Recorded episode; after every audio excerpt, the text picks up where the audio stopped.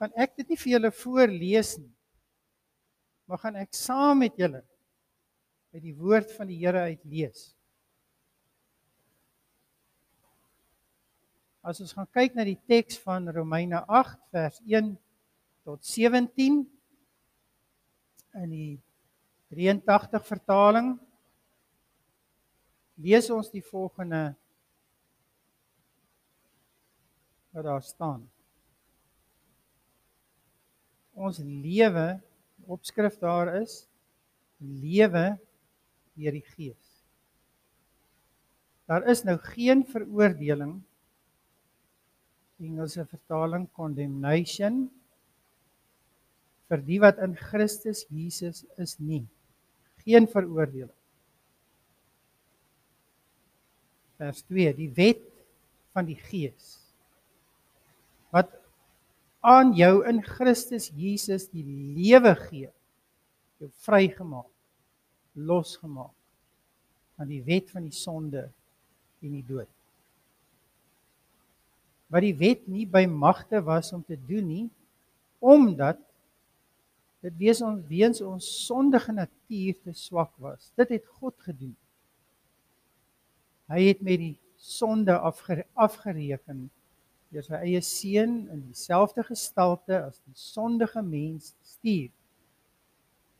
So het hy die sonde in die sondige bestaan van die mens veroordeel. Die sonde in die sondige bestaan van die mens veroordeel. Nou kan ons aan die eise van die wet voldoen. Ons wat ons lewe nie deur ons sondige natuur laat beheers nie, maar deur die Gees. Die wat hulle deur hulle sondige natuur laat beheers, hou hulle besig, hou hulle besig met die dinge van die sondige natuur, maar die wat hulle deur die Gees laat beheer, hou hulle besig met die dinge van die Gees. Die dinge waarmee die sondige natuur van die mens hom besig hou, loop uit op die dood. Maar die dinge waarmee die Gees hom besig hou, bring lewe en vrede. Die dinge waarmee die sondige natuur van die mens hom besig hou, is immer vyandskap teen God sondige natuur onderwerp hom nie aan die wet van God nie. Hy kan trouens ook. Die wat hulle deur hulle sondige natuur laat beheers, kan nie die wil van God doen nie. Julle word egter nie deur julle sondige natuur beheers nie, maar deur die Gees. Want die Gees van God woon in julle. As iemand die Gees van Christus nie het nie, behoort hy nie aan Christus nie. Omdat Christus in julle is, gee die Gees aan julle die lewe op grond van God se vryspraak. Hoewel die liggaam vir die dood bestem is as gevolg van die sonde, omdat die Gees van hom wat hom deur wie Jesus uit die dood opgewek is in julle woon, sal hy deur wie Christus uit die dood opgewek is ook julle sterflike liggame lewend maak deur sy gees wat in julle woon. Daarom dan broers en susters staan ons onder 'n verpligting maar nie teenoor ons sondige natuur om daarvolgens te lewe nie.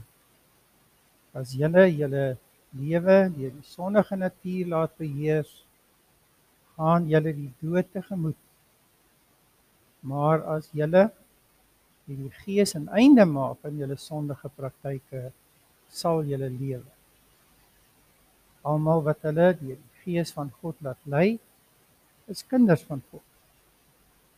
Die Gees wat aan julle gegee is, maak julle nie tot slawe nie en laat julle nie weer in vrees lewe nie. Nee, julle het die Gees ontvang wat julle tot kinders van God maak en wat ons tot God laat roep. Abba. Dit beteken Vader.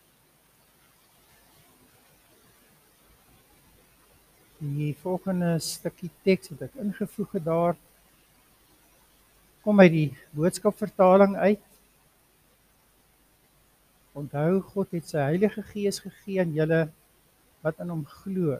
Dit is hy wat julle kinders van God gemaak het. Verder is dit ook hy wat nou 'n diep verlange en dis wat my oog gevang het daar 'n diep verlange na God in julle binneste wakker gemaak. Die Heilige Gees het 'n diep verlange na God in ons binneste wakker gemaak. Die Gees roep voortdurend in julle binneste uit: Vader, liefdevolle Vader. Hy sorg dat daar 'n onbreekbare band tussen God en julle is. Hierdie Gees getuig saam met ons Gees dat ons kinders van God is. En omdat ons kinders is, is ons ook erfgename. Ons is erfgename van God, erfgename saam met Christus. Aangesien ons deel het aan sy lyding, sal ons ook deel hê aan sy heerlikheid. Tot sover dan ons skriflesing.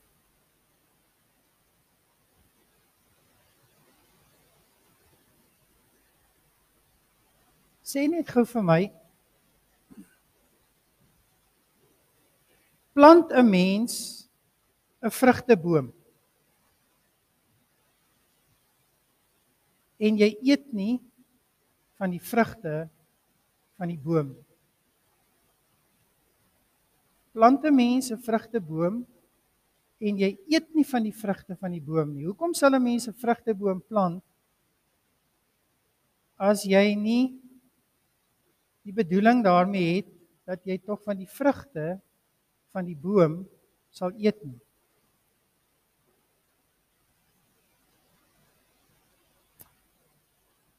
'n mens kom ook nie tot bekering as jy nie in die vervulling of as jy nie tot die vervulling van die Heilige Gees kom nie want dis die vrug nie net sodat my sondes vergewe kan word maar die einddoel van dat ek tot bekering kom is om deur die gees van God vervul te word. Met die vrugte van die gees te hê. En dit beteken om deur die gees te lewe. Deur die gees te lewe. Ons glo dis hoe ons glo Johannes 10 vers 10 dat Jesus gekom het sodat ons lewe kan hê en dit in oorvloed. Hy het nie net gekom om ons sondes weg te neem nie. Hy het gekom dat ons lewe kan hê en dit in oorvloed. En die Gees gee die lewe. Die Heilige Gees is uitgestort in die uh Pinksterdag op die 50ste dag van die Ou Testamentiese fees van die 7 weke. En ja, dit is een van die 7 feeste in die Ou Testament waarvan ons lees. En tydens daardie fees het ehm um, die Jode het die eerste vrugte van hulle oes gebring na die tempel toe om God daarvoor te dank en dit aan hom geoffer. Dan sê Paulus op 'n plek in die Nuwe Testament sê hy dat die Heilige Gees is die eerste vrug. Ons sien hoe hoe die Ou Testament en die Nuwe Testament verband hou met mekaar. Want hoekom is die Heilige Gees dan op Pinksterdag uitgestort? Wat verband hou met die Ou Testamentiese fees van die 7 weke? Omdat dit die eerste vrug is van die werk wat die Here Jesus Christus kom doen het. So om in hom te glo en jy het nie die vervulling van die Heilige Gees nie, is om soos 'n boom te plant maar jy eet nie die vrugte nie. Maak nie sin nie.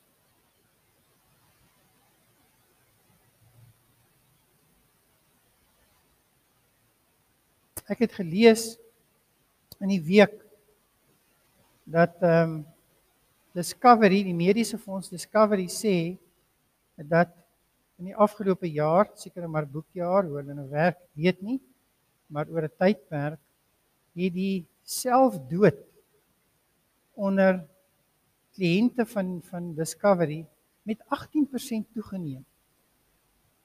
Hoekom is daar 18% meer mense wat voel dis beter om myself dood te maak as om te lewe?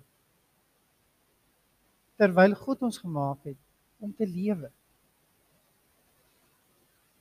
Christus het gekom sodat ons lewe kan hê en dit in oorvloed.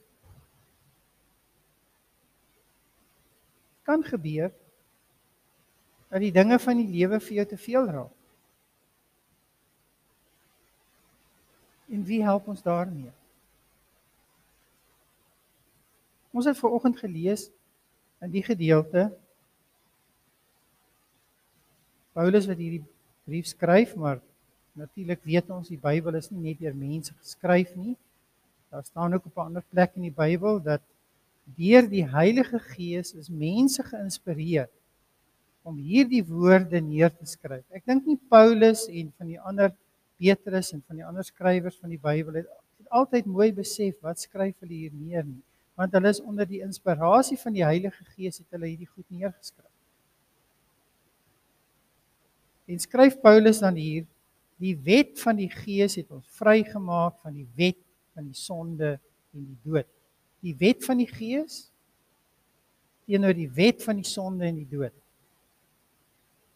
Ek dink 'n bietjie gaan sit en wonder. Dink net 'n bietjie mooi, wat is 'n wet? Wat is 'n wet? Ons het baie wette. Ons het ehm um, ons leef elke dag onder die wette van hierdie land. Nou uh, toe ek gaan kyk na die verklarende Afrikaanse woordeboek. Daar staan onder andere, die eerste wat ek miskien ons ook kan ehm um, ehm um, dit definieer is dat dit is 'n bindende en 'n geldige regsvoorskrif wat 'n owerheid daarstel. So. Ehm um, dit is hoe dis die reël en almal in die land moet dit doen. En as jy dit nie doen nie, word jy gestraf. Maar daar's ook nogal iets anders toe nou in hierdie verklaring Afrikaanse woordeboek wat ek toe nou optel en sê En daar word ook gesê dat 'n wet is ook 'n orde van die werksaamhede van kragte. Dis 'n orde van die werksaamhede van kragte. En toe laat dit my dink aan die natuur. Daar is wette in die natuur ook. Dis nie mense wat dit gemaak het nie, maar dit is hoe dit werk in die natuur. En daar is 'n bepaalde orde in die natuur en God het dit daar gestel. En dit is die werksaamhede van kragte wat groter is as ek en jy. En jy kan nie teen die natuurkragte werk nie. Jy moet jou dood eenvoudig daaraan onderwerf.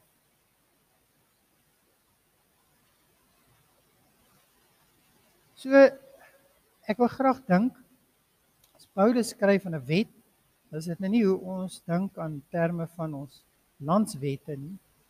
Maar Paulus sê daar is in die wet van die sonde en die dood is daar 'n bepaalde wetmatigheid.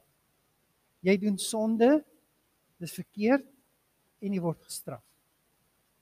Jy doen sonde en jy word gestraf. En die loon van die sonde is die dood. Is die dood. Maar omdat Christus omdat Christus in sy menslike natuur ons skuld op hom geneem het as mens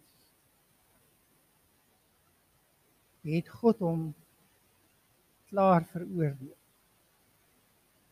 en is ons sondes saam met Christus gestraf en daarom spreek God ons vry iemand moes betaal.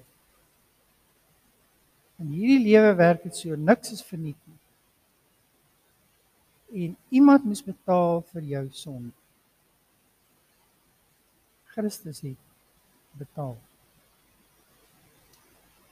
En nou is daar 'n nuwe orde van werksaamhede. Ons staan mos nou nie meer onder hierdie wetsverpligting van sonde, oordeel en straf nie. Want dit is nou weggeneem. Nou staan ons onder 'n nuwe orde. 'n Nuwe wetmatigheid. En hierdie is die wetmatigheid en die werksaamhede van kragte van die Heilige Gees. En die Gees getuig saam met ons gees dat ons kinders van God is. Ons het dit vanoggend gesien hier in hierdie illustrasie. Wanneer die lewe jou wil onderkry, wanneer die dinge van die lewe jou onderkry, en jou vlammetjie, die vlammetjie in jou gaan dood. Dan is God se gees daar. En hy gee jou weer lewe. 'n Mens word natuurlik nie oortuig van buite af nie. 'n Mens word oortuig van iets waarvan jy in jou binneste oortuig. Geen mens kan 'n ander mens oortuig van iets as hy self nie in homself nie daarvan oortuig is nie. En hierdie innerlike oortuiging is is 'n diep gewortelde iets in jou binneste. En as 'n mens nie oortuig is van goed nie, as jy die hele tyd twyfel want die Bybel sê ook vir ons daar op plek om te twyfel is sonde. Jy kan nie die hele tyd lewe en altyd twyfel nie. Jy moet een of ander tyd 'n diep innerlike oortuiging kry want dit is waar en vas. Want as jy so die hele tyd twyfel, dan is jy soos 'n rolbos. Ken jy 'n rolbos? ek probeer toe nou nogal dink as 'n mens nou van hier af ry en jy ry Aberdeen en jy ry Willowmore daar by Rietbron en daar dit is die laaste keer wat ek nou kan onthou wat ek 'n rolbos gesien het dis hierdie bossies wat groei in die Karoo en hy groei so hy maak soos 'n bol maar hy het 'n baie swak wortelstelsel en as hy nou begin ryp word of uh, later aan dan kom die dan val hy sommer om En as die wind kom, dan waai die wind hom. En jy sien partykeer hier in die Karoo dan lê hierdie rolbosse so opgewaai teen die heininge. Dis ook nou maar 'n manier hoe hy sy saad natuurlik weer versprei. Maar as die noorde wind kom, dan waai hy hom suid. En as die weste wind kom, dan waai hy hom oos. En as die ooste wind kom, dan waai hy hom wes. En as die suide wind kom, dan waai hy hom noord. En baie mense is so. Vir elke wind wat waai, word hy na 'n een of ander kant toe gewaai soos 'n rolbos.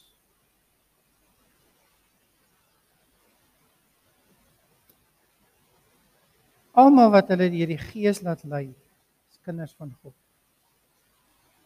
En as jy hierdie keuse gemaak het, is jy nie langer slawe nie van angs en vrees. Mense twyfel want angs en vrees dryf hulle.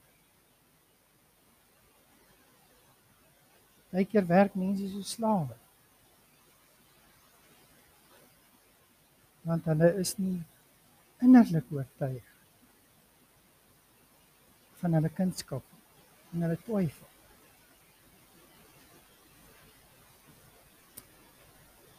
Die Heilige Gees kom help ons. Dis werksaamhede daai ek en jy nie altyd lekker eers verstaan. Ek verstaan myself nie eers altyd nie. Hoe kan ek ander mense verstaan? Maar die Gees van God ken jou binneste. Hy ken jou DNA. Hy weet wat jy dink, hy weet wie jy is. Wat God jou gemaak het. En hy bring daardie diep innerlike oortuiging in jou dat jy tog kind van God is. Dat jy nie twyfel. Die Heilige Gees het ons nie net kinders van God gemaak. Maar ehm um, in die boodskapvertaling kom dit baie mooi uit. Hy het in ons daardie diep innerlike begeerte gegee. Hy het die hy het die diep verlange na God toe in ons wakker gemaak. In ons wakker gemaak. Die, die hierdie wêreld al wat hierdie wêreld doen en sy dinge is om die sonde in ons wakker te maak. En as ons daaraan toegee en dit raak deel van ons lewe, dit raak ons lewe, dan leef ons weer onder die wet van die sonde en die dood. As dit heeltyd wakker gemaak word in ons lewe. Maar die Heilige Gees het gekom om die dinge van God, die verlange na God in ons wakker te maak.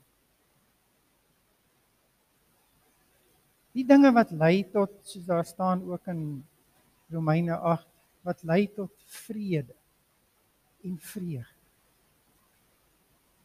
Want die werking van die Gees bring bring vrede in jou gemoed.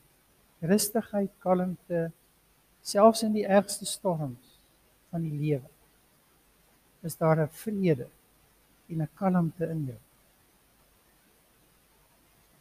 Die Heilige Gees is soos 'n sielkundige wat ons innerlike emosies en ons bioritmes verstaan en dit beheer.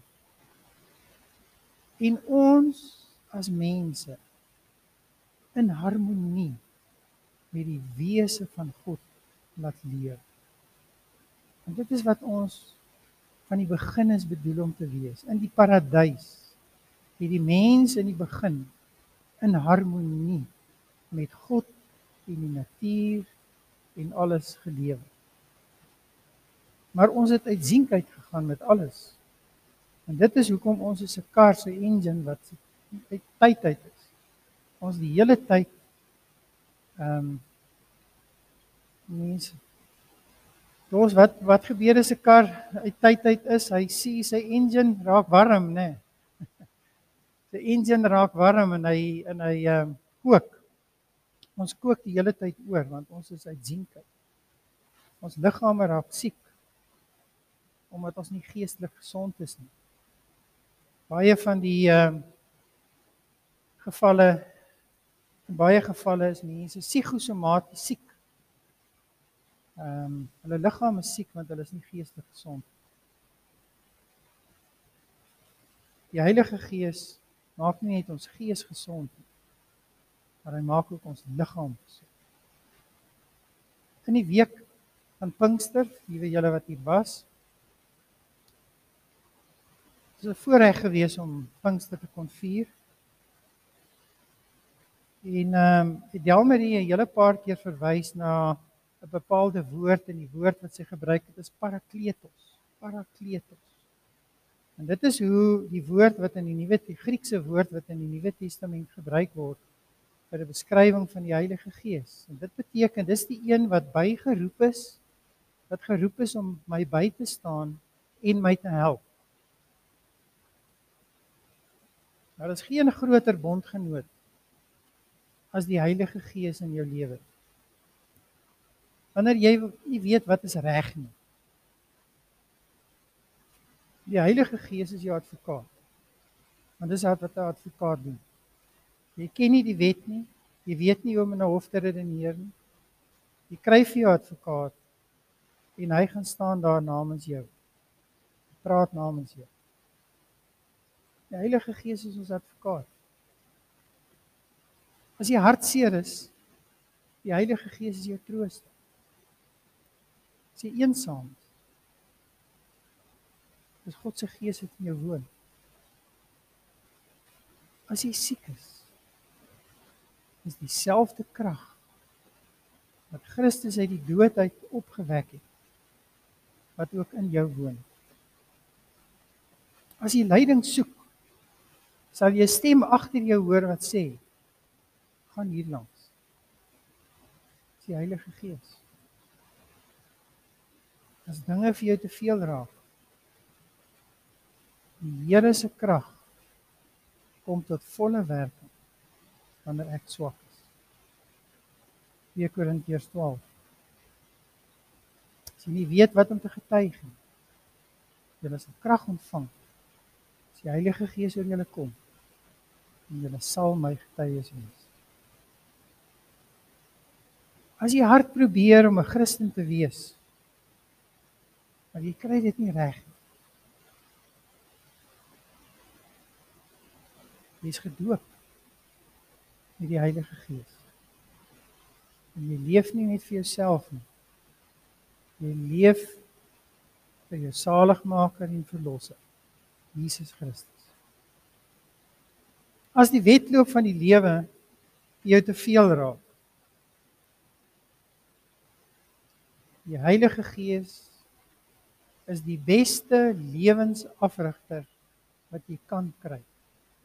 Life coach. Hy bemoedig jou en hy hou jou oë gefokus op die wenpaal. Die wedloop van die geloof. Die dinge waarmee ons ons besig hou, bepaal ons lewe. staan ook in hierdie gedeelte wat ons gelees het. En wanneer ons onsself so besig vind met die dinge van hierdie lewe dat ons vir niks tyd kry nie, dan kan die gees van God ook nie volledig in ons werk nie. As baie goed waarmee ons ons besig hou wat nie ewigheidswaarde het. Iemand het eendag gesê jy moet wees soos iemand wat 85 jaar oud is en op 'n in 'n rocking chair sit op 'n stoep. En jy moet terugkyk in jou lewe en jy moet sê, wat was nou eintlik die moeite werd? Ons is nou nog nie dit is moeilik om vooruit te dink en terug te dink. Maar dit is hoe dit is.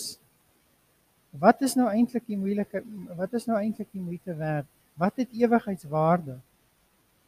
'n Mens kan jou nie die hele dag besig hou met die dinge van die sondige natuur en dan in die gees wil lewe nie. Maak nie sin. As met die gees van toe van God toelaat om ons te lei en ons te vervul. En die vrug te eet. Die vrugte te eet van die boom, as ek dit nou figuurlik kan gebruik. Die Heilige Gees kom help ons om die vrugte te eet van die boom wat die Here Jesus Christus kom plant.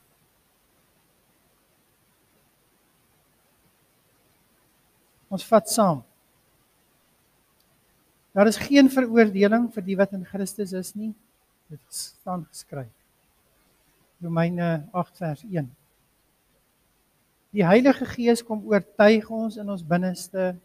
Daar's geen sterker oortuiging as 'n oortuiging wat uit jou binneste uitkom dat ons kinders van God is.